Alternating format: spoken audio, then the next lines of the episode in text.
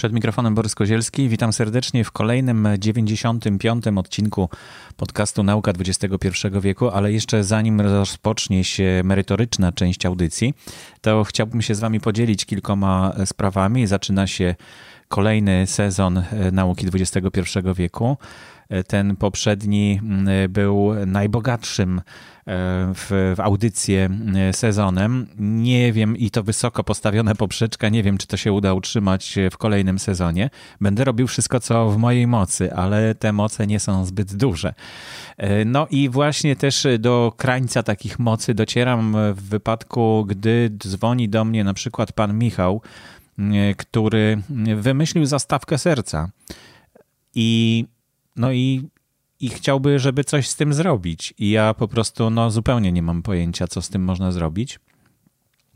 Nie znam się na tym, nie wiem, staram się po prostu pokierować go, starałem się go pokierować do, w, odpowiednie, w odpowiednie miejsce, zainteresować odpowiedniego człowieka tym, co on stworzył.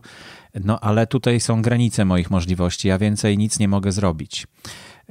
Jeśli macie jakiś pomysł, co można byłoby z takimi pomysłami zrobić, a pojawia się coraz więcej, no to dajcie znać.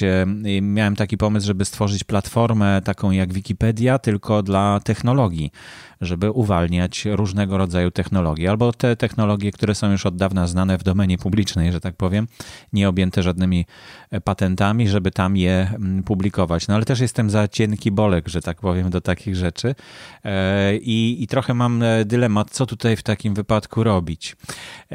No ale mm, cieszę się, że, że tak e, dzieli, dzielą się słuchacze ze mną takimi też swoimi rozterkami, no bo wyobraźmy sobie kogoś, kto ma taki genialny wynalazek i próbuje, mm, próbuje go jakoś upowszechnić, przekonać innych do niego, no i wszyscy mm, i nie ma z kim rozmawiać.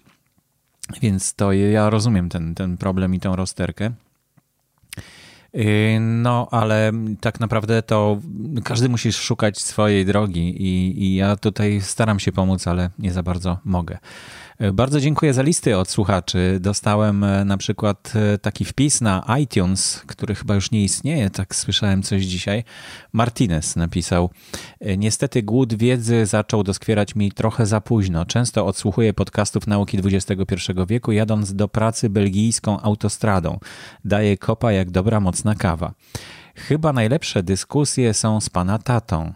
No i ten odcinek z bioelektrą, cudo. E, szkoda, że cała nasza edukacja i cały nasz rozwój cywilizacyjny nie ma takich mentorów. Świat byłby dużo ciekawszy i być może bezpieczniejszy. Tworzymy ten świat. Bardzo dziękuję, e, Martinez, za Twój komentarz w iTunes. Bardzo miło się czyta takie rzeczy.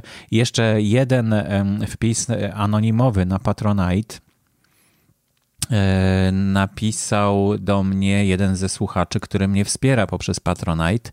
Dzień dobry. Nauki XXI wieku słucham głównie podczas spacerów i biegania. Po przymuszonym porzuceniu studiów brakowało mi miejsca, gdzie ktoś w, w, bardzo rzetelny, prawie akademicki sposób przekazuje wiedzę i ten głód zaspokaja pański podcast. Dobór intrygujących gości jest godny podziwu, a otworzenie mi oczu na nauki interdyscyplinarne było jednym z powodów, dla których niebawem z wielką ekscytacją rozpoczynam studia psychologiczne.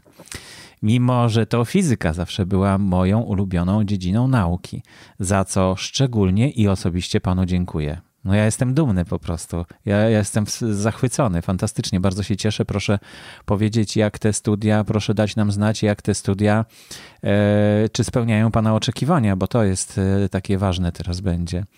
E, jeszcze, jeszcze Pan tutaj napisał, że trzymam kciuki za dalszy rozwój i życzę wszystkiego co najlepsze.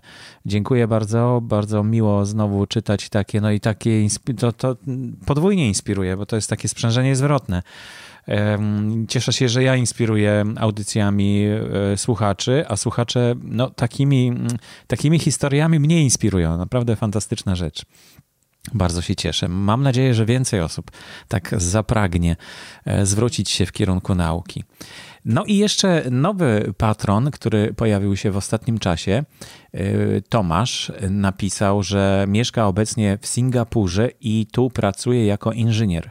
Mam generalnie mało czasu i dużo podróżuję, więc podcasty są dla mnie dobrą alternatywą dla książek. Można ich słuchać i wykonywać inne czynności jednocześnie. No tak jest, tak, takie są właśnie podcasty i mam nadzieję, że właśnie w takich sytuacjach słuchacie. Przypomnę swój apel, jeśli mm, y, możecie zrobić zdjęcie podczas słuchania podcastu, to ja chętnie umieszczę go, to zdjęcie na naszym fanpage'u na Facebooku albo w notatkach e, do audycji. Już kilka takich zdjęć e, jest, e, funkcjonuje i fajnie, żeby inni słuchacze mogli zobaczyć, w jakich niezwykłych sytuacjach słuchacie audycji. No i przy okazji właśnie Patronite'a chciałbym bardzo serdecznie podziękować e, wszystkim e, moim patronom, e, którzy wspierają mnie już od dłuższego czasu.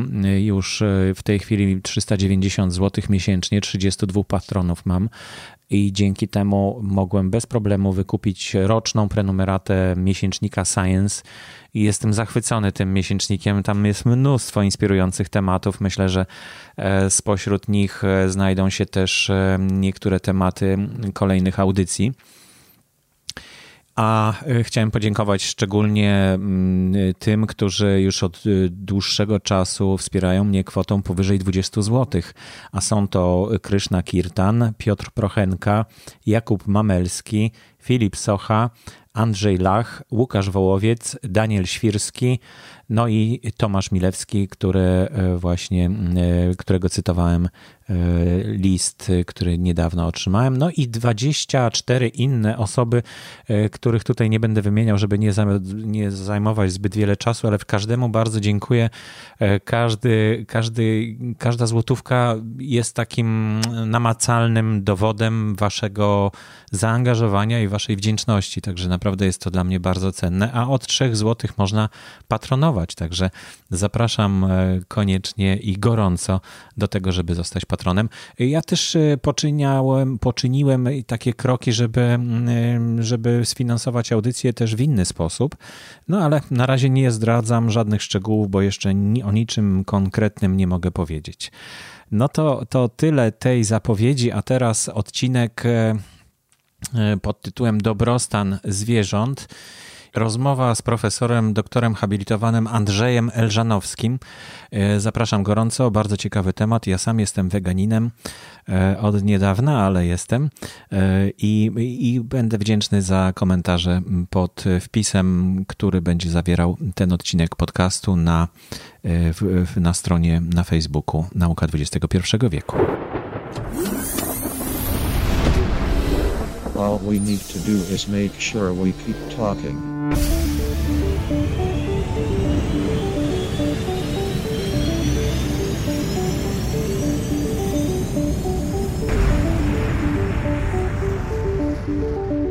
Przed mikrofonem Borys Kozielski, witam serdecznie w kolejnej audycji Nauka XXI wieku. Zaprosiłem dzisiaj do studia pana profesora Andrzeja Elżanowskiego na prośbę jednego, jednej ze słuchaczek. Bo y, jeśli ktoś ma ochotę, to oczywiście może zaproponować osobę, z którą będę rozmawiał w studiu. A y, już sam życiorys pana profesora y, Elżanowskiego dużo mi jak gdyby narzucił pytań, bo jest pan bioetykiem, i w tej chwili mm, jest pan również y, przewodniczącym Polskiego Towarzystwa Etycznego. No, dzień dobry panie redaktorze, dzień dobry państwu. No tak, pierwotnie jestem zoologiem, to znaczy moje formalne wykształcenie, wykształcenie to jest zoolog, no ja się nazywam zoologiem kręgowców, no bo to jest to, co, mm, to na czym się na czym się znam najlepiej, natomiast no, mnie e, od samego początku e, działalności i e, działalności intelektualnej, naukowej, dla mnie było to połączone z, w pewien sposób z etyką. Dla mnie zawsze biologia ewolucyjna, ewolucja miała wyraźne konsekwencje, konsekwencje etyczne, które od dzieciństwa w mojej percepcji były lekceważone przez no, naszą rzeczywistość, mhm. nie tylko całą rzeczywistość, ale, ale również naukę, co mnie, mhm. e, co mnie oburzało i oburza do tej pory. I to myślę, że jest nawiązanie do nauki mhm. XXI wieku. Jeżeli miałbym miałbym sformułować jakieś, jakieś wiodące hasło tej audycji, to myślę, że, że nauka XXI wieku powinna przemyśleć swój stosunek do etycznych konsekwencji ewolucji i przestać traktować inne podmioty pozaludzkie tak jak, no, tak jak przedmioty żyjące, czy też jako, mhm. jako, jako materiał do, e, do po prostu do wykorzystania i eksploatacji.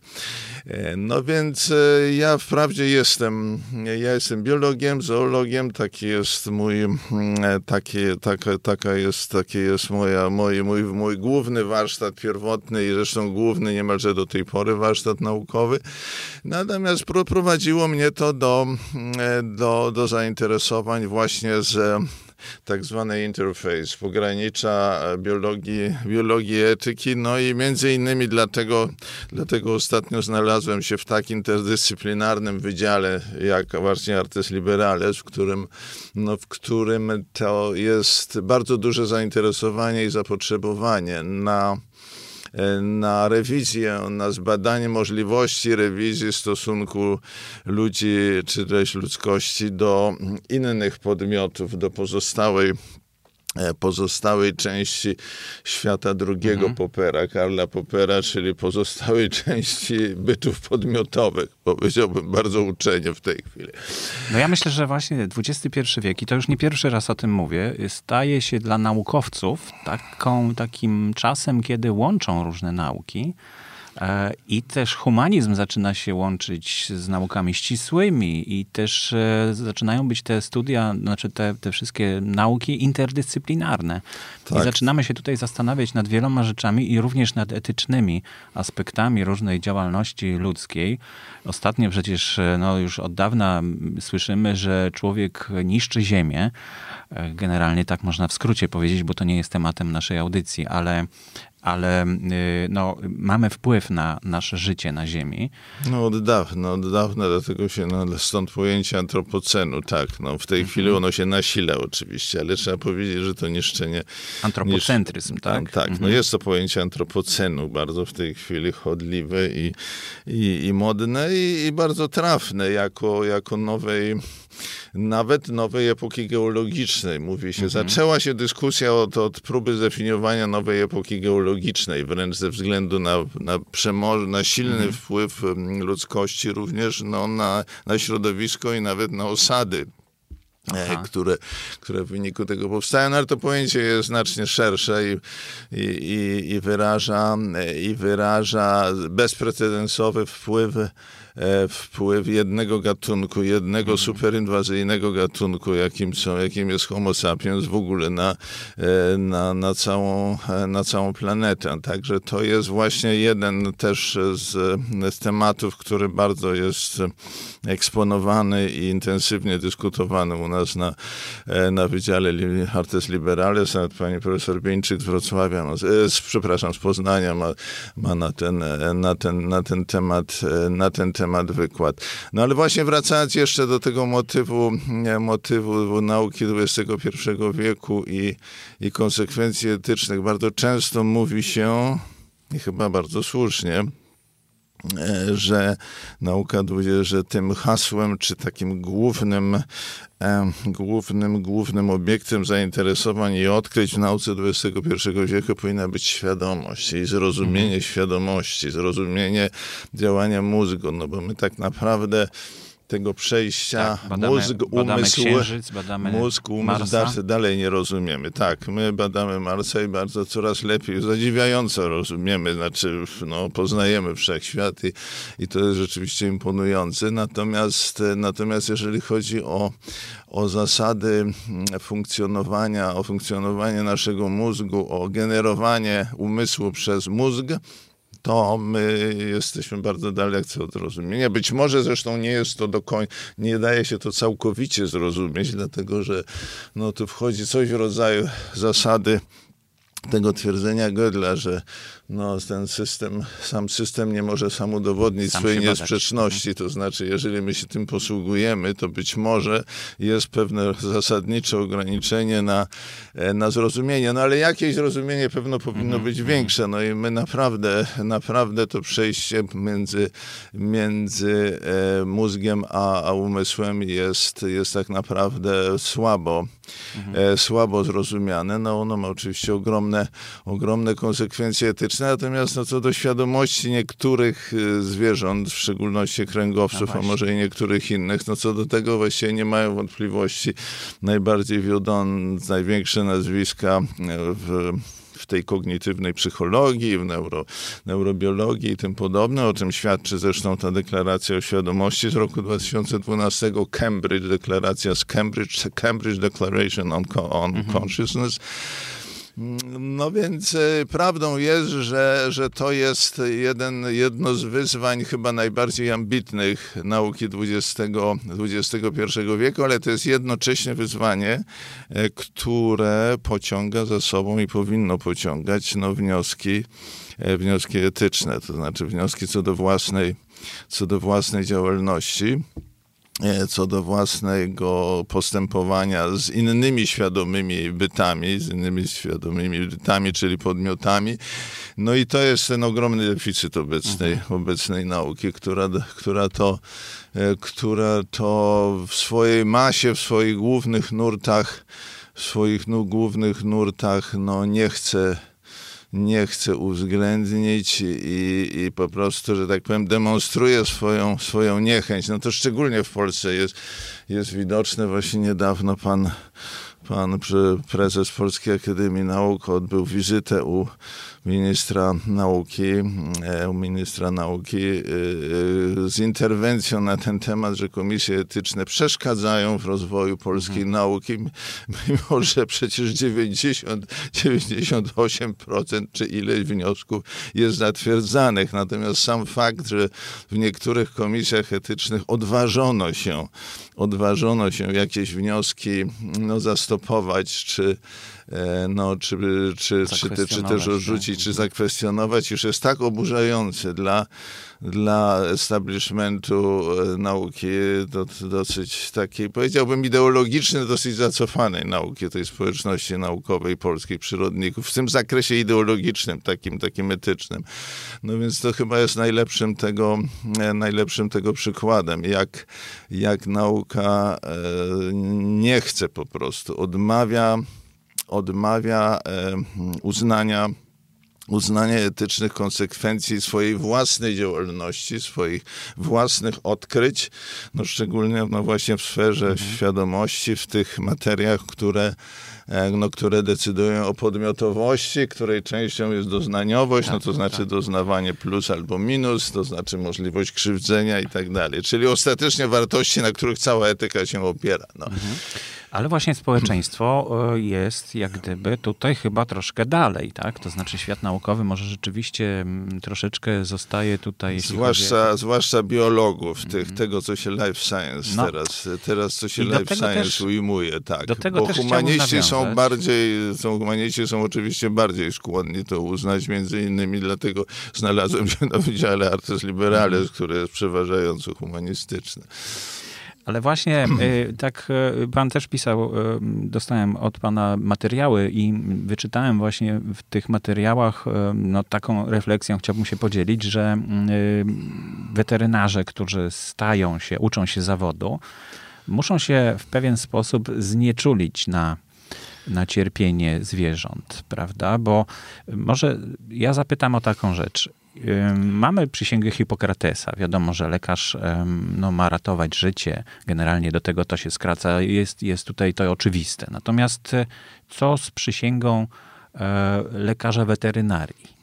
Tak. Czy on, ma, mm, e, czy on ma ratować życie zwierząt? No raczej nie jest to jego podstawowy cel, prawda? Nie. Przy, y, zasadą taką dominującą tego tak zwanego kodeksu tam deontologii weterynaryjnej E, które zresztą jest no, no dosyć, dosyć zabawnie sprzeczny wewnętrznie, no ale tego nie analizujmy. Jest, jest taka zlatynizowana, po łacinie przekazana, niby udająca jakąś rzymską mądrość, że przez, przez zdrowie zwierząt do powodzenia, do prosperity, do powodzenia ludzi. Ja w tej chwili, w tej chwili nie pamiętam dokładnie, jak to jest, jak to tam po łacinie brzmi, to udaje taką, taką łacińską, e, łacińską maksymę. To znaczy, jest absolutnie jednoznaczne, że zdrowie zwierząt zdrowie zwierząt jest podporządkowane, interesy zwierząt są podporządkowane, e, podporządkowane interesom ludzkim i to jeszcze właśnie takiemu powodzeniu, no to jest tak.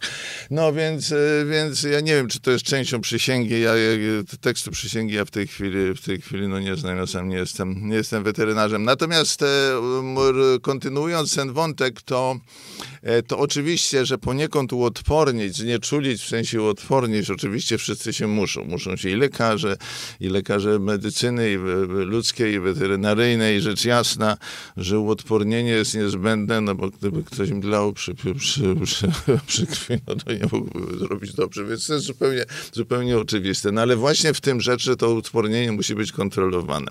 Mhm. Ono musi być świadome i muszą być świadome i kontrolowane.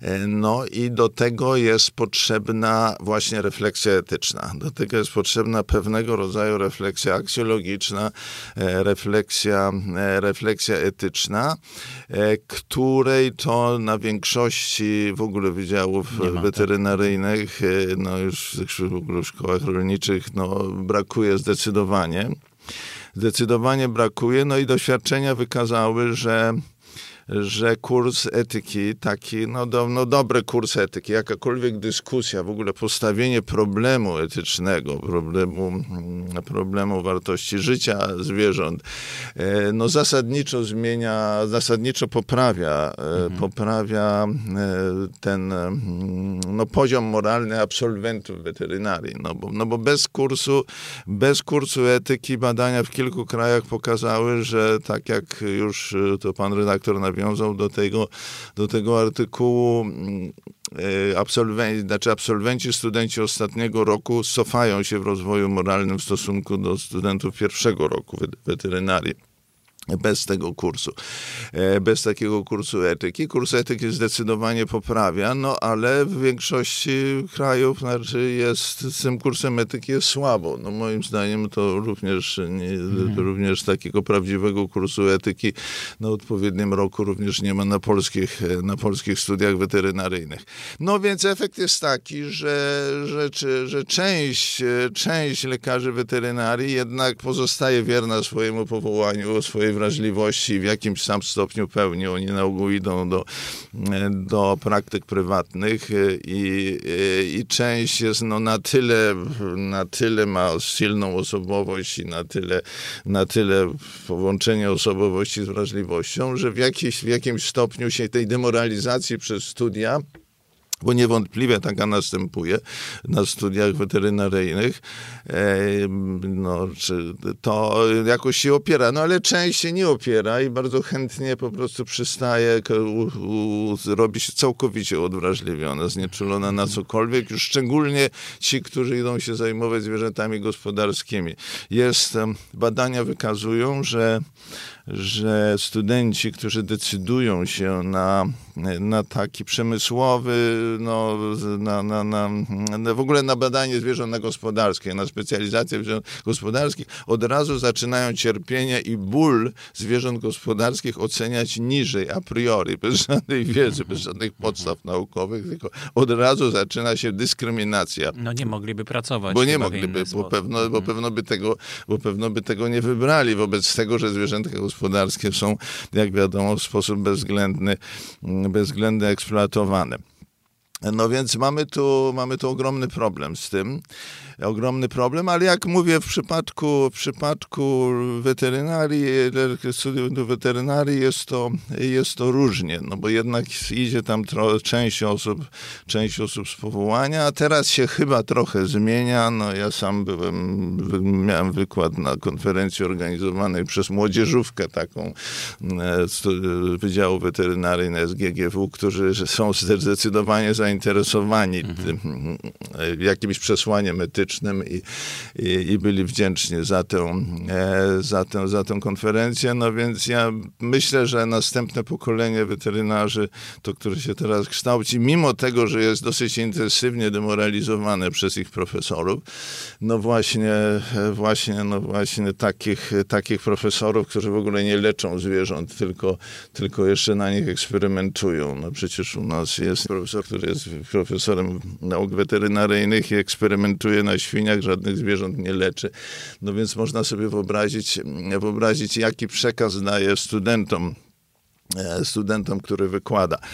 E, no więc z weterynarium no niewątpliwie jest taki problem. Natomiast e, problem największy jest, jeżeli chodzi o to zootechniką. To znaczy, o ile, o ile środowisko weterynaryjne jest zróżnicowane i nie można zdecydowanie, no, jakby powiedzieć jednoznacznie, tak, no, no, no, no, ta, ta, no, no, no jest zróżnicowane, krótko mówiąc, pod względem stosunku do zwierząt, no to w środowisku zootechnicznym jest znacznie gorzej. Znaczy, eksperyment w Australii pokazuje, że, że wprowadzenie kursu etyki znacznie poprawiło stosunek do zwierząt na, u, u, studentów weterynarii, natomiast nie ruszyło studentów zootechniki, w ogóle nie miało, miało zero wpływu na, na postawy studentów zootechniki, no czemu się poniekąd nie można dziwić, no bo zootechnika, czyli teraz się to nazywa szumnie animal science w świecie angloamerykańskim, no zootechnika jest, jest taką dziedziną, która takiej paranauki,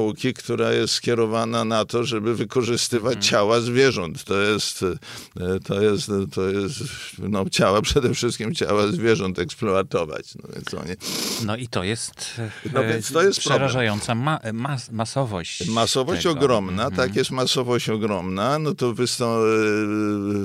wpływ, ja uważam, że to jest problem cywilizacyjny. To jest wręcz problem cywilizacyjny, dlatego, ja że my może przytoczę jedną, jedną liczbę. 50 miliardów 50 miliardów, nie milionów, tylko tak. 50 miliardów, wielokrotnie więcej niż jest ludzi na Ziemi. Tak jest tych zwierząt e, gospodarskich, czy to kur, czy to tak, tak, e, tak, bydła, tak, czy to tak. świń. To jest około 50 miliardów. Miliardów, 50 miliardów podmiotów, takich cierpiących, doznających, doznających podmiotów w sposób bezwzględny eksploatowanych właśnie między innymi dzięki, dzięki osiągnięciom w cudzysłowie tejże dziedziny, która się nazywa mhm. zootechniką i które to osiągnięcie oni nazywają doskonaleniem oczywiście, oczywiście doskonaleniem doskonaleniem tych, e, tych przedmiotów. Znaczy bezwzględność tej zootechniki historycznie była, no, była, była porażająca po prostu. To, co w 50 latach, to, co przy początku masowego chowu się wyprawiało, szczególnie niestety Ameryka w tym prowadzi, e, w tej bezwzględności. Nawet zootechnicy amerykańscy w latach 50. zaczynali, próbowali obcinać skrzydła kurczakom, żeby szybciej rosły i nie marnowały materiału. No bo dzioby to się obcina normalnie w tej Słucham? chwili. Mówię o dziobach. E, o, o dziobach, tak. O dzioby, dzioby się, się dole się przypalaczy, obcina normalnie, tak. No, próbowali obcinać skrzydła, no ale to się nie udało, bo się przeprawdzało tylko dlatego, że się kury przewracały i nie mogły, jak się pod przewróciły, nie mogły się podnieść, więc z tego zrezygnowano. No i, i potem już się przerzucono na marketowanie skrzydełek, wings tak zwane i teraz już, jak już, no teraz już nie potrzeba no, no marnować, mhm. nie, marnować tych, e, tych skrzydeł. No więc bezwzględność tej, bezwzględność tutaj tej, tej, tej, tej, tej armii, przemysłu. tych armii, mhm. tych paranau, e, przemysłu, które jest wspierane przez armię tych paranaukowców zajmujących się zajmujących się zootechniką jest no, przerażająca po prostu. To jest czynnik, czynnik hamujący cywilizację. No, u nas to się objawiło w ten sposób, że w walce o zakaz e, trzymania zwierząt futerkowych zebrało się pospolite ruszenie zootechników. E, podpisało ich, podpisało ich e, ponad 400, bardzo szybko się zebrali, podpisało ponad 400 różnych utytułowanych profesorów, doktorów i innych doktorów habilitowanych.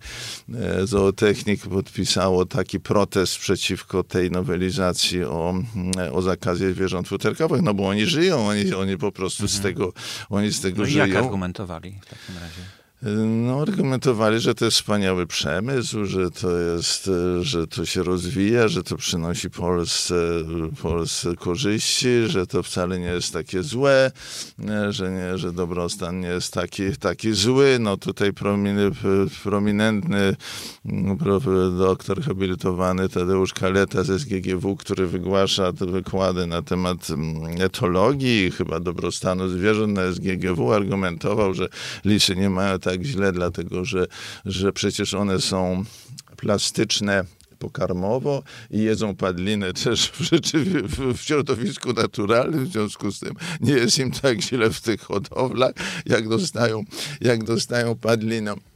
E, tak to argumentował na zebraniu w, w, w Pałacu Prezydenckim, kiedy no, prezydent nas wezwał na, na dyskusję. Proszę Państwa, to jest problem cywilizacyjny. To mamy naprawdę ogromny, e, ogromny problem e, mhm. z, tą, e, z tą armią ludzi, którzy no, próbują utrzymać potworny status quo eksploatacji, która jest, no, która jest, no, powoduje jakiś ogrom, niewypowiedziany ogrom cierpienia, już nie mówiąc o zatruwaniu środowiska i wszystkim. E, i wszystkim innym. No więc, e, więc e, ja generalnie uważam, że trzeba, trzeba w nauce XXI wieku spojrzeć na szkoły rolnicze, spojrzeć na standardy kształcenia, na kształcenia w ogóle w szkołach rolniczych, tych, no w tych częściach dotyczących zwierząt, prawda, bo tam mhm. akurat w szkołach rolniczych te części botaniczne są całkiem dobrze rozwinięte czasem nawet lepiej niż, niż na dobrych uniwersytetach, to bardzo jest duże zróżnicowanie. Natomiast no, tu, jest, tu wszystko... mamy ogromny problem, ale też jeszcze chcę, żeby skończyć może mhm. ten wątek, żeby być obiektywnym. Ten problem nie ogranicza się do szkół rolniczych i do techniki weterynarii, ale w ogóle do wykształcenia w biologii, w life science, w tych naukach biologicznych. E, I e, ja sam jestem biologiem i sam wiem, jak byłem demoralizowany na studiach. Co wprawdzie było dawno, bo to były lata 70., ale byłem. I, i, i, i, i prof, wielu profesorów mojego pokolenia E, było tak wychowanych, nie przeszło tej drogi przemyśleń i rozwoju, którą ja przeszedłem i nadal swoim studentom przekazuję takie standardy z 70, e, z lat 70., kiedy rzeczywiście zwierzęta, w ogóle cierpienie zwierząt się, się nie liczyło. Więc e, ten, ten, element, ten element takiego odwrażliwienia, odwrażliwienia i demoralizacji w stosunku do, do innych podmiotów również ma miejsce, również ma miejsce miejsce w innych, mhm. no, szczególnie, na, szczególnie na biologię, szczególnie w ogóle w kształceniu, e, w kształceniu przyrodników, którzy mają bardzo silnie rozwinięty ten, e, ten system wartości środowiskowych, takich ekologicznych, środowiskowych, operujących zespołami, całościami, taki, taki holistyczny, który bardzo łatwo przychodzi w totalitaryzm i podporządkowanie jednostki całości.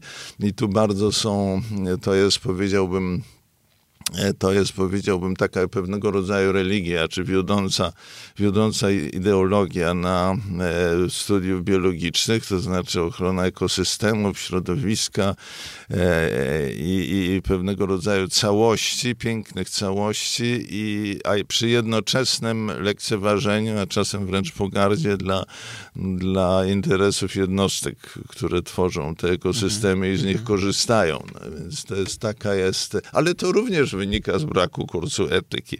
Ja chcę być, tu jestem obiek, chcę, próbuję być obiektywny, myślę, że jestem nawet, bo po, po, po krytykowaniu akurat techników i części E, części weterynarze, no bo oni mają bardzo silne przełożenie w ogóle na los tych miliardów, miliardów zwierząt, ale, e, ale trzeba powiedzieć, że jest, e, że, że również to zjawisko przecież występuje, występuje też na innych, na, na innych studiach i ja uważam, że biologowie powinni mieć porządny kurs etyki również. Ci, którzy decydują później o życiu i śmierci o życiu i śmierci no, wielu no, zwierząt i w ogóle mhm. kształtują nasze poglądy do, do przyrody, do zwierząt.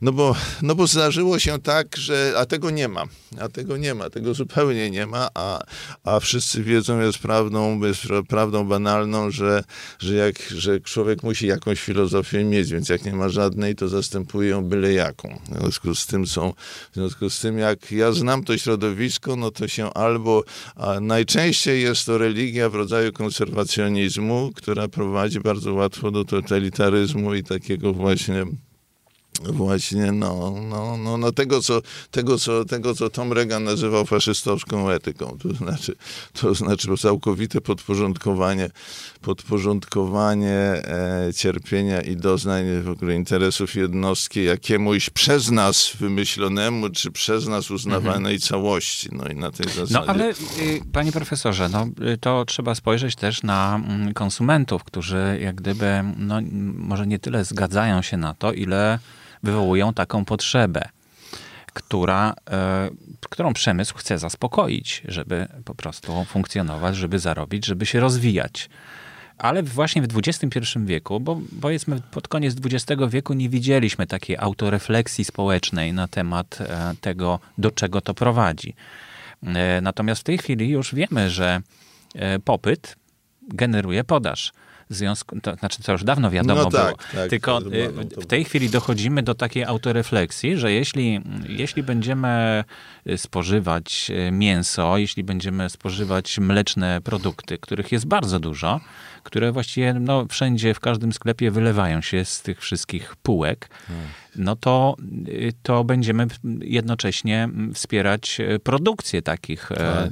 takich e, produktów i traktujemy je jako produkty, a nie jako mm, e, efekt e, no, cierpienia, generalnie można tak powiedzieć.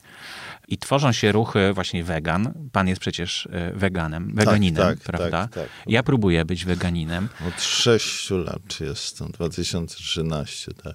I, e, I to myślę, że e, świadomość społeczna troszeczkę się zmienia i docierają do nas te sygnały i coraz częściej chcemy mieć na to wpływ. Warszawa jest podobno stolicą wegańskiego jedzenia, jedną z ważniejszych. Jedno tak, po, na jakimś momencie na trzecim miejscu była nawet na świecie świecie. Rzeczywiście, że to się rozwinęło naprawdę wyjątkowo ładnie, wyjątkowo dobrze. Zaczynamy też widzieć e, los e, stada krów e, w, w Ciecierzycy bodajże, w gminie właśnie, Deszczno, właśnie. tak, które, które chcemy uratować i chyba nam się prawie udaje. Tak, tak, jest na dobrej, już w tej chwili jest znowu na dobrej drodze. Na no tak, ale to jest 200 krów powiedzmy, natomiast około tam, codziennie tak.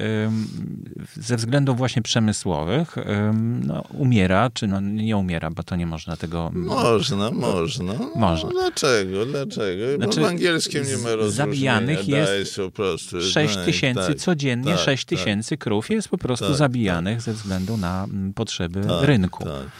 E, I w momencie, kiedy zaczynamy się o tym dowiadywać, my jako społeczeństwo, tak, czyli jak gdyby ta, no nie, nie powiem, że druga strona, bo przecież weterynarze, ludzie tworzący ten przemysł, to też e, przecież społeczeństwo.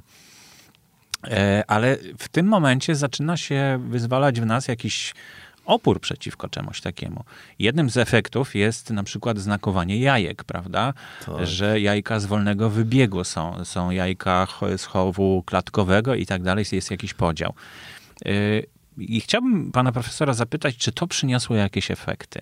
Bo, e, bo czy, czy rzeczywiście te z wolnego wybiegu mają lepiej niż te inne kury? Czy rzeczywiście jest to krok w dobrym kierunku? Czy taki nacisk społeczny na właśnie e, że ja w tej chwili mogę głosować swoimi pieniędzmi, tak? tak? Czyli tak. mogę wybierać te jajka, które są z wolnego wybiegu, mimo że one są droższe. Mhm. I w ten sposób głosuję w jakiś sposób na tylko właśnie na co? Czy rzeczywiście poprawa nastąpiła, czy nie? Czy są takie badania?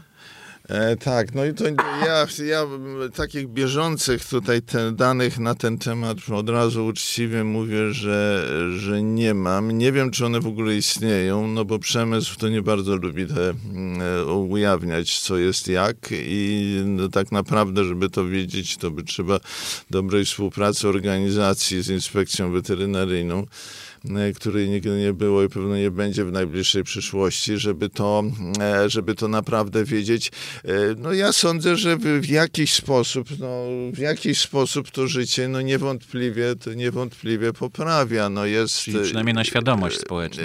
W jakiś sposób, działa. nie no realnie to też poprawia. Oczywiście realnie, realnie to też poprawia i ma to ma to znaczenie dla, dla jakości życia i ograniczenia cierpienia tych, e, tych, tych, e, tych, tych ptaków.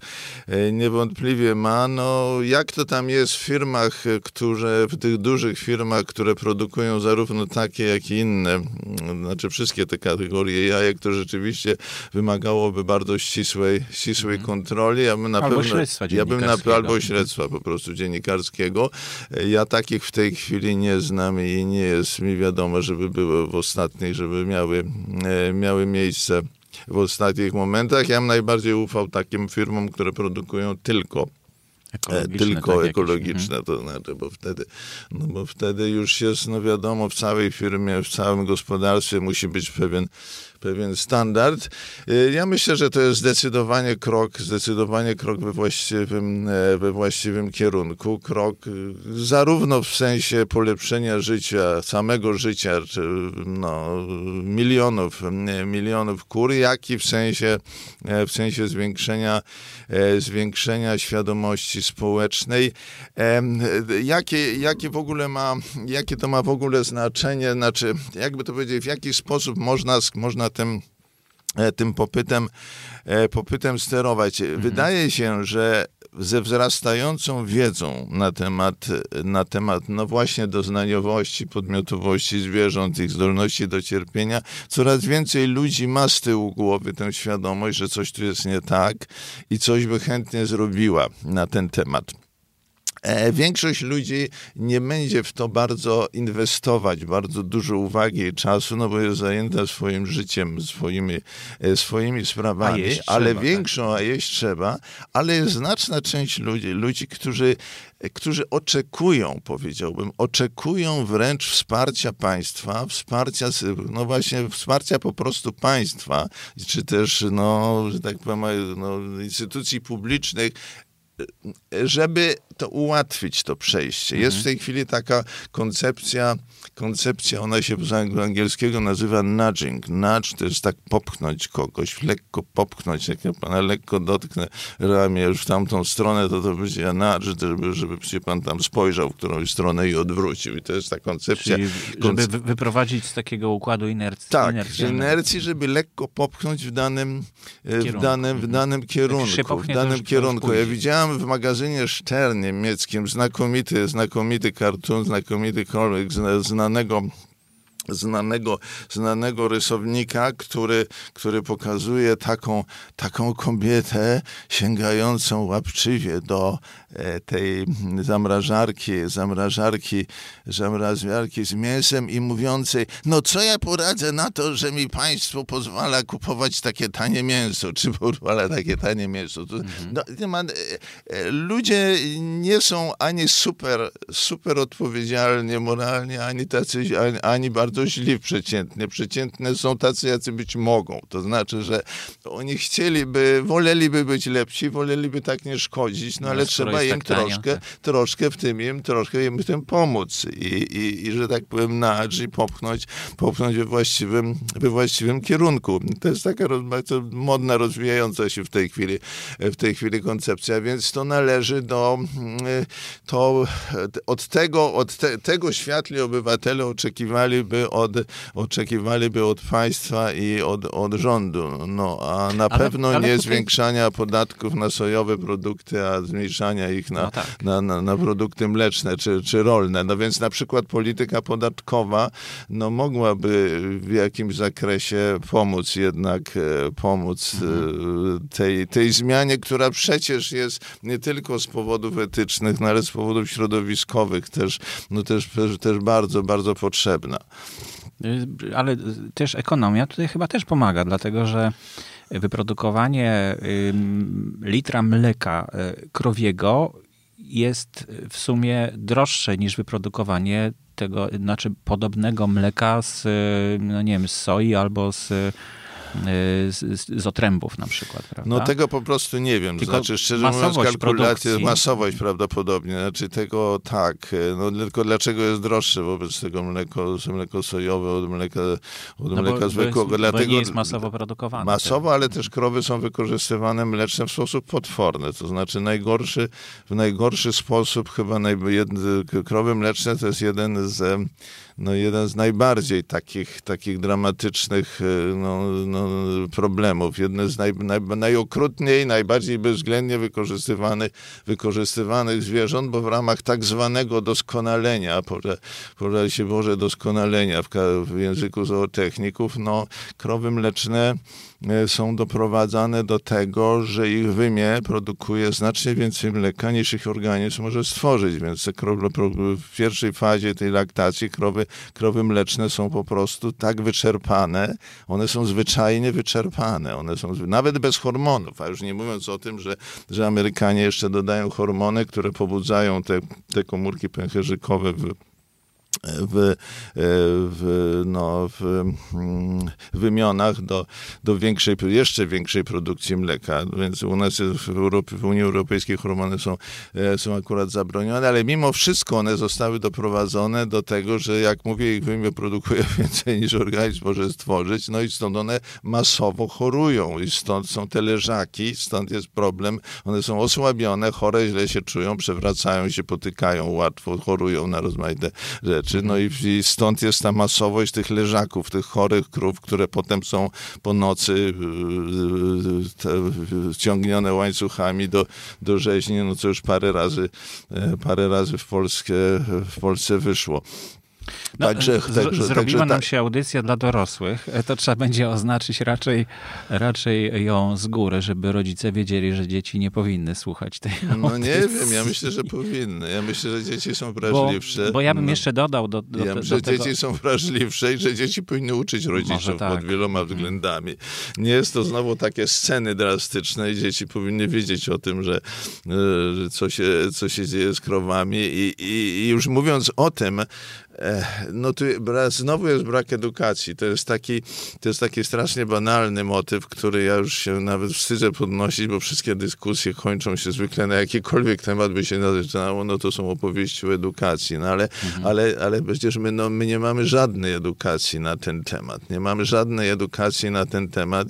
E, na ten temat. Ja sobie wyobrażam, że gdyby, gdyby rzeczywiście zaczęła w polskich szkołach funkcjonować etyka, taka etyka przystosowana rzeczywiście do poziomu, no właśnie mm -hmm. szkoły mm-hmm. ogólnego szkolnictwa i pan podstawowej, czy tam, czy tam szkoły średniej, no to, no to takie problemy powinny być na tejże, na tejże etyce podnoszone, no, a nie, a, no ale jak, jak wiemy, to w Polsce no, funkcjonuje bardzo słabo, bardzo słabo, a nie, a z drugiej strony funkcjonuje religia, no, która, ten, która tylko tę przepaść y, po, powiększa i no i jak gdyby powiedzieli, legitymizuje całkowicie w ogóle. Tak, ignoruje religia tutaj się wyraźnie dokłada, dlatego że nie traktuje mm, zwierzęcia jako um, no, wartościowej... Nie, jako wartości samej w sobie, absolutnie, Właśnie. absolutnie nie, absolutnie nie, ale wręcz przeciwnie, wręcz przeciwnie. Ja widziałem kiedy z przerażeniem jakiś podręcznik,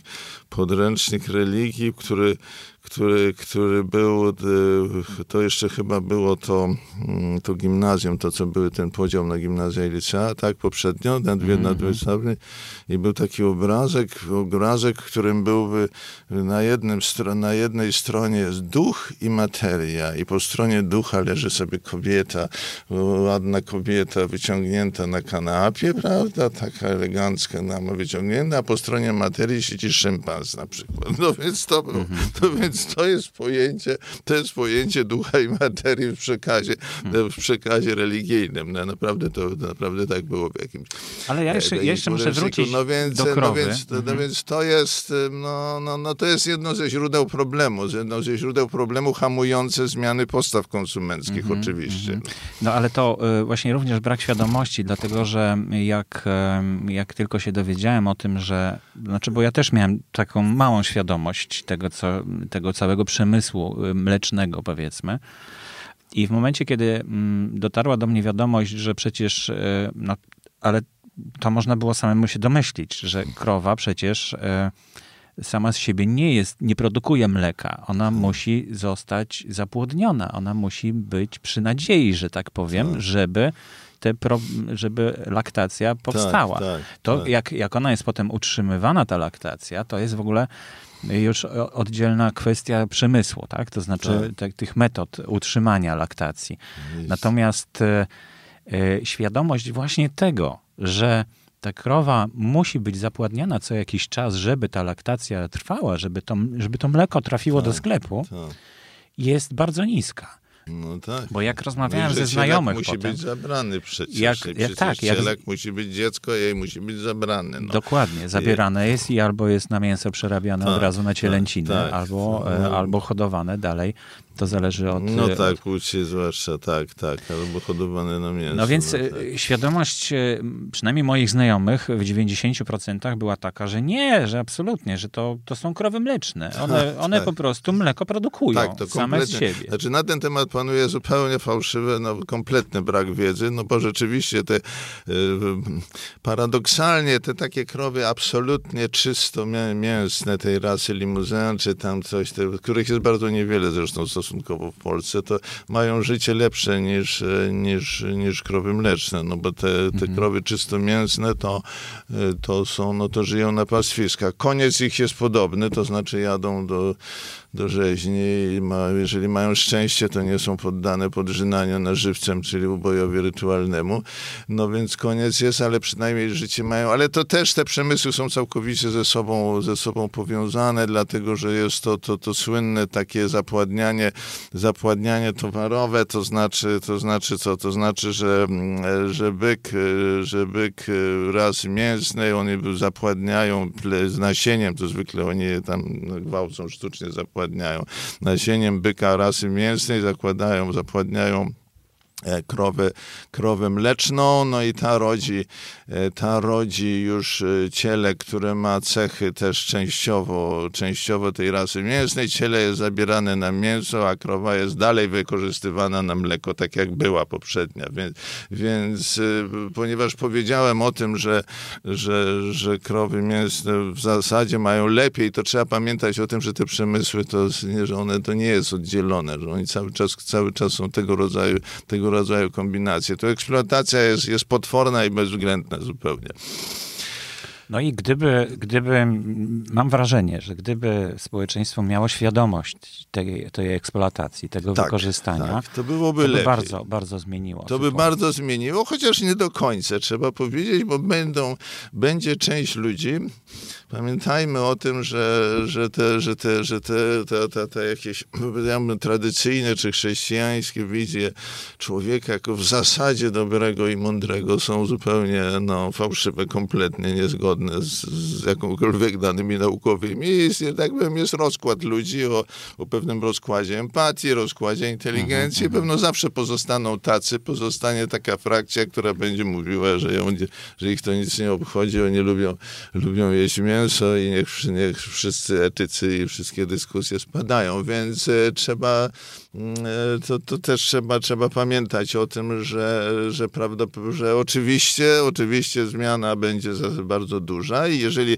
osiągnięta zostanie wartość progowa i większość nie będzie sobie życzyła, no to oni będą musieli być zastos, no, będą musieli się tak, przystosować tak, do no, tego. Będzie droższe tak, mięso będzie droższe, dużo droższe. Będzie, mleko, będzie, mleko też będzie bardzo będzie, drogie. Będzie droższe. Ono jest takie tanie ze względu na, na, na zupełnie no, no, no, jakąś y, zbrodniczą e, eksploatację tych, eksploatację tych zwierząt, e, która ma, która ma w tej chwili miejsce. No, szczególnie w stosunku do, e, do krów mlecznych, też, też w stosunku do macior i niektórych, no, niektórych innych, innych zwierząt, również, również oczywiście kur. No. Więc to jest cena tego taniego, tego taniego mięsa, które na dodatek, która to, która to na dodatek produkcja w końcu no i to jest powrót do nauki XXI wieku chyba. No przecież, przecież przyczynia się do zmiany klimatu w sposób no, no zupełnie dramatyczny, w sposób, no, tak jak to pokazał ten raport FAO sprzed, no, sprzed ładnych kilku lat, który się nazywał który się nazywał Livestock Long Shadow, to się nazywał Długi Cień Trzymania Inwentarza, czy tam mm -hmm. zwierząt, który pokazał, że przecież przecież produkcja zwierzęca wytwarzała według tego raportu więcej gazów cieplarnianych niż cały transport ziemny i lotniczy razem wzięty. Takie były efekty. Później byli jacyś krytycy tego, że mówili, że może oni tam przesadzili, że może za dużo policzyli, ale to już jest nieważne w tej chwili. Ważne jest, że, że produkcja zwierzęca jest, jest no jednym z głównych źródeł, jednym źródeł zanieczyszczenia środowiska i również gazów cieplarnianych. No, no i tak, jak bo, to może być... Same zwierzęta nie produkują, natomiast przemysł wokół tych zwierząt... No same zwierzęta też, mhm. same zwierzęta też. Metan, tak, wszystkie tak. przeżuwacze po prostu, że tak powiem, wydalają, już nie używając zbyt fizjologicznego słowa, ale wydalają metan po prostu, wydalają zwyczajnie z siebie gazy. Są zwyczajnie... No, ale to nie jest gaz cieplarniany z drugiej strony. Metan? Mhm. Jest. Metan jest, jest, jest. Metan oczywiście jest. Metan, metan jest jednym z tych i to bardzo silnie, o bardzo silnym działaniu. E, tym, tym, tym działaniu. Przecież mamy problem z wydzielaniem metanu z stopniującej czundry, prawda, tego mm. permafrostu. To zdecydowanie. No więc, e, więc to, co, do, do czego zmierzam, to jest mm -hmm. to, mhm. że jednym z, naj, z, największych absurdów obecnej rzeczywistości i walki o, o za, zatrzymanie zmian klimatycznych jest to, że produkcja zwierzęta, zwierzęta nie jest uwzględniona w rozliczeniach, w tych kwotach między państwami. No my walczymy tutaj o, kłócimy się o węgiel, walczymy o węgiel, no jest zrozumiałe, że takie gospodarki jak Polska, no być może, że może trochę no tak raptownie nie mogą przejść. Natomiast nie ma w ogóle w tych kwotach e, produkcji zwierzęcej, która jest jednym, którą też można by posterować i pewne państwa mogłyby powiedzieć, ok, my będziemy redukować, redukować bardziej produkcję zwierzęcą, no a chcemy na przykład jeszcze węgiel troszkę dłużej utrzymać, żeby, żeby nasze to całkowitą emisję utrzymać w, mhm. w ryzach. No, no więc to jest kompletny absurd. To jest e, to, że, to, że, to, że właśnie produkcja zwierzęca nie jest uwzględniana w, w tych kwotach, kwotych, no, tych, tych kwotach się chyba to nazywa, mhm. prawda? W tych rozliczeniach E, rozliczeniach emisji, e, emisji przydziałów emisji, dozwolonych Gazów przydziałów emisji na mhm. poszczególne, na poszczególne państwa. Panie profesorze, no to y, wypadałoby się zastanowić w związku z tym, y, mamy już tak y, naświetlony troszeczkę, mm, jak wygląda mm, produkcja zwierzęca od strony mm, powiedzmy nauki, weterynarii, zootechniki. E, widzimy, jak, e, jak reaguje na to społeczeństwo, które no, podlega procesowi autorefleksji, e, powolnemu, ale sposób, jest. Tak. tak, w jakimś stopniu, zwłaszcza miejskie, tak, no, które... I, I, jest pan przewodniczącym Polskiego Towarzystwa Etycznego. Co w takim razie można zrobić no, pomiędzy tymi dwoma krańcami? Żeby poprawić jakość życia zwierząt, bo nie rozmawialiśmy jeszcze o tym, jak zwierzęta giną, jak są ubijane. Tak, tak. Mówił pan o rytualnym uboju. Niektórzy mówią, że to jest bardziej humanitarne. No to głupstwo. No to, niż, to, są, to są ewidentne Niż przykładanie dwóch elektrod e, do, do głowy e, takiego To, to są zwierzęcia. ewidentne głupstwa. To są kompletne głupstwa, takie, takie uwarunkowane, no po prostu propagandowe, to jest propagandowe oszustwo, naprawdę. Po pierwsze, przykładanie elektrod to jest przy elektrod, przez przykładanie elektrod giną świnie. Świnie są zabijane. Krowy się nie, krów się nie zabija przez przez elektrodami, to więc to jest pierwsza, e, pierwsza poprawka. No rytualnie nikt nie ubije świń, no bo akurat ci, kto chcą rytualnego się akurat z powodów jakichś, nie, no już których nie będziemy wnikać, zaczęli się brzydzić świniami.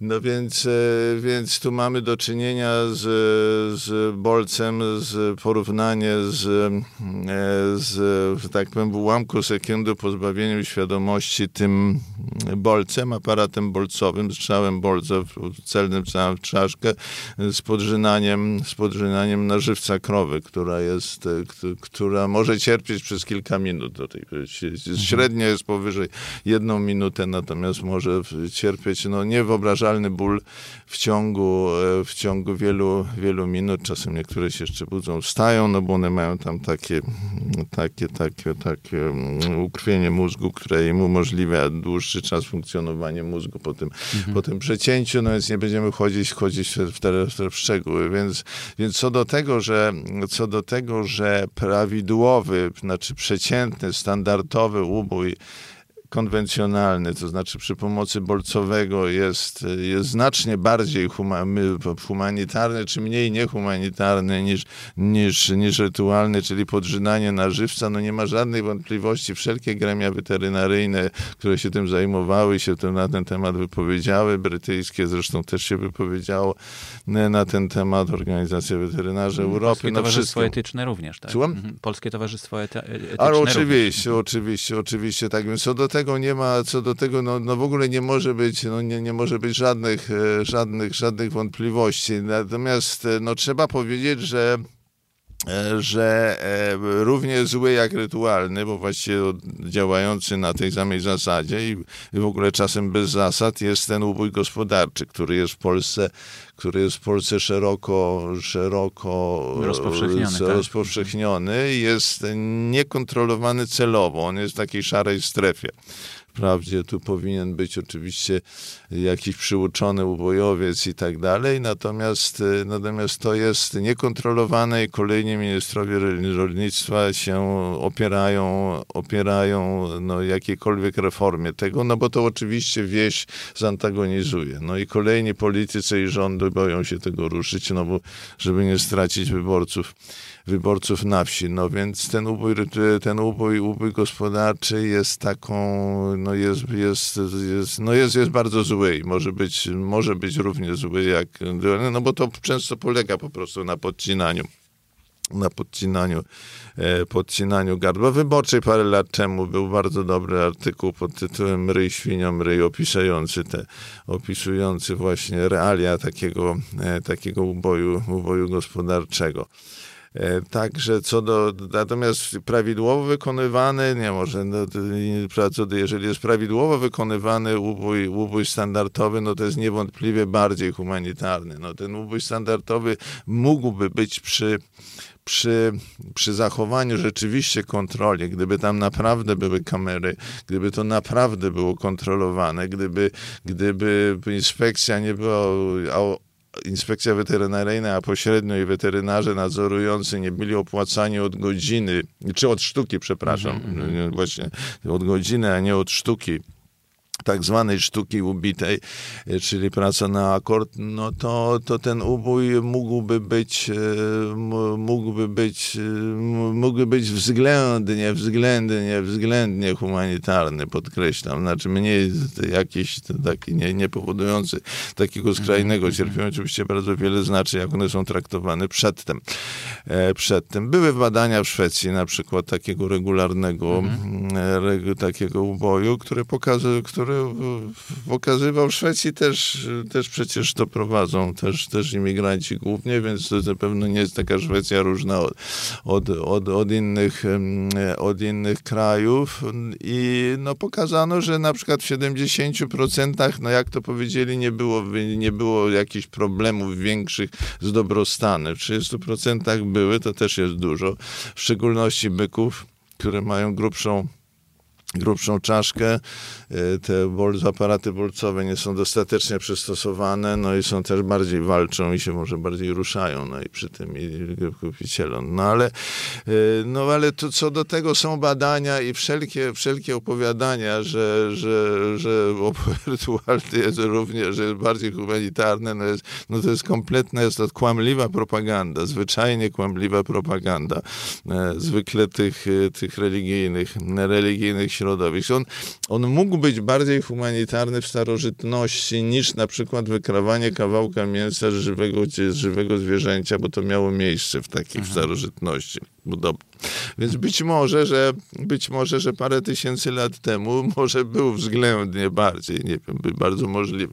Natomiast w tej chwili no jest to oczywiste, oczywiste kłamstwo. No.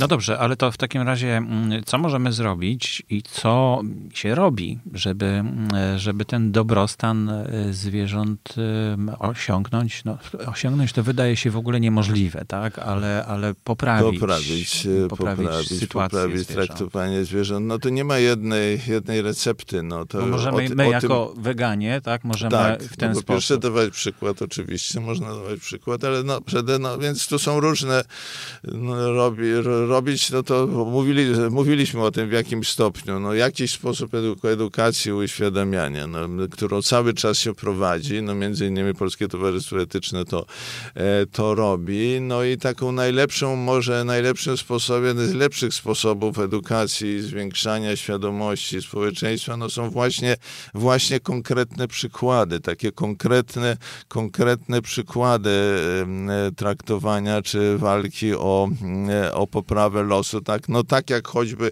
choćby te krowy z Deszna czy Ciecierzyc, które się stały ambasadorami życia, w ogóle no, ale, ale czy to nam troszeczkę nie zakłamuje rzeczywistości, że teraz mamy poczucie, że no tak, te, te 200 krów teraz sobie żyje spokojnie. No ja myślę, że na osoby rozsądne nie zakłamuje, no wie, wiemy o tym, że wszystko dalej idzie, to dalej, natomiast może pokazało to, pokazało to szerszemu, szerszym kręgom, no takie piękne, szczęśliwe krowy, żyjące sobie od, od wielu lat na, na własną rękę, na, na, na pięknych łąkach i może pokazało, że krowa to nie jest biw czy ta wołowina, tylko, no tylko, że to są żyjące zwierzęta, które się są matki z dziećmi, z matki z cielakami, które się cieszą tymi nawzajem, się cielaki cieszą i w ogóle no, obecnością matek i nawzajem. No więc, y, więc myślę, że to jest przykład, który w tym zakresie był edukacyjny. Ja sobie zdaję sprawę, że to nic zasadniczo, y, zasadniczo nie zmienia, chociaż szanując, szanując życie zwierząt, trzeba pamiętać, że uratowaliśmy 180, 180 istnień podmiotów, które mają swoją immanentną wartość życia, cieszą się nim w jakimś sposób. Mam nadzieję, że będą mogły się cieszyć dalej. E, chociaż oczywiście na większą skalę wiem, że to nie ma znaczenia. No więc akcje konkretne, no akcje przeciwko, przeciwko polowaniom, przeciwko przeciwko szczególnie tym, e, szczególnie tym, tym drastycznym, takim idiotycznym, niepotrzebnym, brutalnym sposobom, sposobom polowania. No, uświadamiają ludzie, co robią myśliwi, do czego są, do czego są zdolni, co ich motywuje. E, także myślę, że, że może nie tyle same kazania, czy może, no oczywiście książki i, i, i, i literatura oczywiście ma swoje, ma swoje, ma swoje duże znaczenie, natomiast, e, natomiast takie kampanie czy takie przypadki docierają do szerszych, do szerszych kręgów i uświadamiają problem e, szerszym kręgom. No, choćby nawet wracając do tego uboju rytualnego, przecież na początku mhm. tej kampanii w ogóle ludzie nie wiedzieli o co, o co chodzi. No, u nas jest tak. przecież w ogóle nie wiadomo było, w ogóle nie wiadomo było co, o co to chodzi. No teraz jednak ta świadomość jest, jest, już, jest już znacznie znacznie większa. E, więc to jest, no, no, no więc co można zrobić? Można zmieniać, zmieniać postawy ludzi. No jest to najważniejsze, najważniejsze jest to zmieniać, zmieniać postawy ludzi ten czy inny, różnymi, najrozmaitszymi drogami rozmaitszymi drogami, no i korzystać w tym zakresie ze zdobyczy nauki i pokazywać, że to nie jest sprawa osobistej wrażliwości, czy osobistej etyki, czy jakiejś jednej po prostu z etyk, którą ten sobie wybiera. Ja wybieram sobie etykę, że kocham zwierzątka, a, ja sobie, a kto inny wybiera etykę, że kocha mięso, jedzenie mięsa, tylko że jest to, tylko, że jest to wynikające z wiedzy naukowej pewien imperatyw uniwersalno-etyczny, że jeżeli chcemy pewne wartości szanować u nas, jeżeli chcemy się szanować i swój dobrostan szanować, szanować, to musimy albo i szanować uniwersalnie również u innych hmm. podmiotów, albo zgodzić się na na arbitralność i na nastawianie arbitralnych, arbitralnych granic między my i oni, między tymi, którzy, którzy są warci tego szanowania, a tymi, którzy nie są warci szanowania. Więc, więc to, jest, to jest naprawdę poważna sprawa. To sprawa, sprawa poszanowania życia zwierząt dotyczy również nas w ten sam sposób. Na, naszego poziomu, naszego poziomu etycznego, naszego uzasadnienia, naszego bytu bytu, uzasadnienia naszych przywilejów i praw. Te mhm. prawa człowieka są, no, zwłaszcza nowej generacji, te roszczeniowe prawa są wielkimi przywilejami, które, no, które jednak które jednak powinny być czymś w końcu, czymś w końcu uzasadnione, no bo jak nie są uzasadnione, no to się sprowadzają do zupełnie nieograniczonych roszczeń. Prawa Władzy człowieka, zwracam tak. uwagę, że w zachodnim świecie również pełnią rolę taką cokolwiek demoralizującą, dlatego że każdy rodzący się teraz uważa, że ma prawo w ogóle od momentu urodzenia się do wszystkiego, żeby państwu mu i społeczeństwu zapewniło wszystko, co, co mu jest potrzebne, e, potrzebne do życia, bez jak gdyby no, uzależnienia tego od swoich, od swoich zobowiązań, od tego, od, od mhm. swoich, od mhm. wypełniania swoich obowiązków jako człowiek, jako sprawca moralny, jako obywatel i tak dalej. E, no więc myślę, że sprawa, no, no, poszanowanie, poszanowanie, poszanowanie życia i, i, i, i doznań, interesów zwierząt jest, jest, no, jest imperatywem uniwersalnej, uniwersalnej etyki, która jest informowana naukowo, naukowo, bo my, nauka dost, może dostarczać dostarcza nam wiedzy kto, kto, co, kto ma jakie interesy, krótko mówiąc, to znaczy jakie byty są doznaniowe, jakie są podmiotami, jakie nie są podmiotami, w jakim sposób, w jaki sposób nam dostarcza i, i informuje, no, że, że no, nie wszystkie żywe organizmy, tak jak to, tak jak to często bardzo biologowie nie, przy, nie, mhm. nie, nie wykształceni, nie przygotowani do dyskusji tych, tych problemów, bardzo często mają skłonność właśnie do do takiego, mm, do takiego łatwego ogólniania, że albo szanujemy wszystkie żywe organizmy, albo nic. No, no nie jest tak. No, no nie jest tak. No, no świadomość i podmiotowość ewoluowała tylko u bardzo nielicznych, nielicznych na szczęście, no bo gdybyśmy mieli w równym stopniu chronić wirusy, bakterie i rośliny, to w ogóle można by zapomnieć o wszystkim. No, e, no więc e, jakby powiedzieć, kombinacja nauki XXI, ta nauka XXI wieku powinna powinna i ma pełen potencjał do tego, żeby żeby, żeby, żeby, żeby promować etykę XXI wieku. I może tak należałoby zakończyć nasze rozważania. Mhm. Bardzo dziękuję. Moim gościem był profesor Andrzej Elżanowski, przewodniczący Polskiego Towarzystwa Etycznego. Dziękuję bardzo.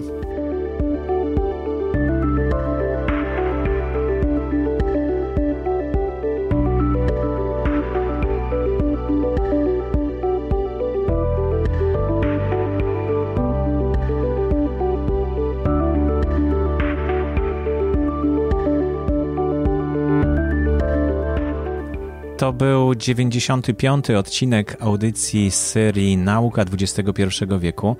E, bardzo dziękuję za wysłuchanie tego odcinka.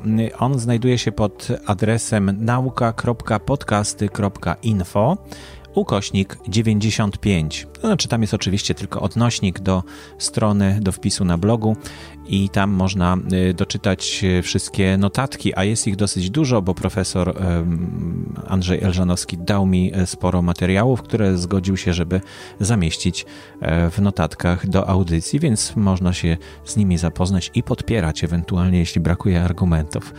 Zapraszam gorąco do subskrybowania mojej audycji przez Spotify iTunes, czytniki na smartfony lub bezpośrednio przez kanał RSS. Linki do subskrybowania są pod adresem pod.link ukośnik nauka. Tak najłatwiej odnaleźć wszystkie linki potrzebne do subskrybowania. pod.link ukośnik nauka. Odcinków audycji Nauka XXI wieku można słuchać również w Wikipedii i rozgłośniach radiowych na całym świecie, ponieważ audycja udostępniona jest na licencji Creative Commons uznania autorstwa w ramach nieodpłatnej działalności statutowej Fundacji Otwórz się. Każdy słuchacz może stać się mecenasem audycji, deklarując comiesięczne wpłaty na stronie patronite.pl ukośnik Borys Kozielski. Zapraszam do kontaktu poprzez fanpage na Facebooku oraz e-mail boryskozielski.gmail.com. Żaden list nie pozostaje bez odpowiedzi. Jeśli znasz kogoś, kto interesuje się nauką tak jak ty, to po prostu powiedz mu o tym podcaście i pokaż jak słuchać. Niech nas będzie więcej. Dziękuję bardzo, do usłyszenia.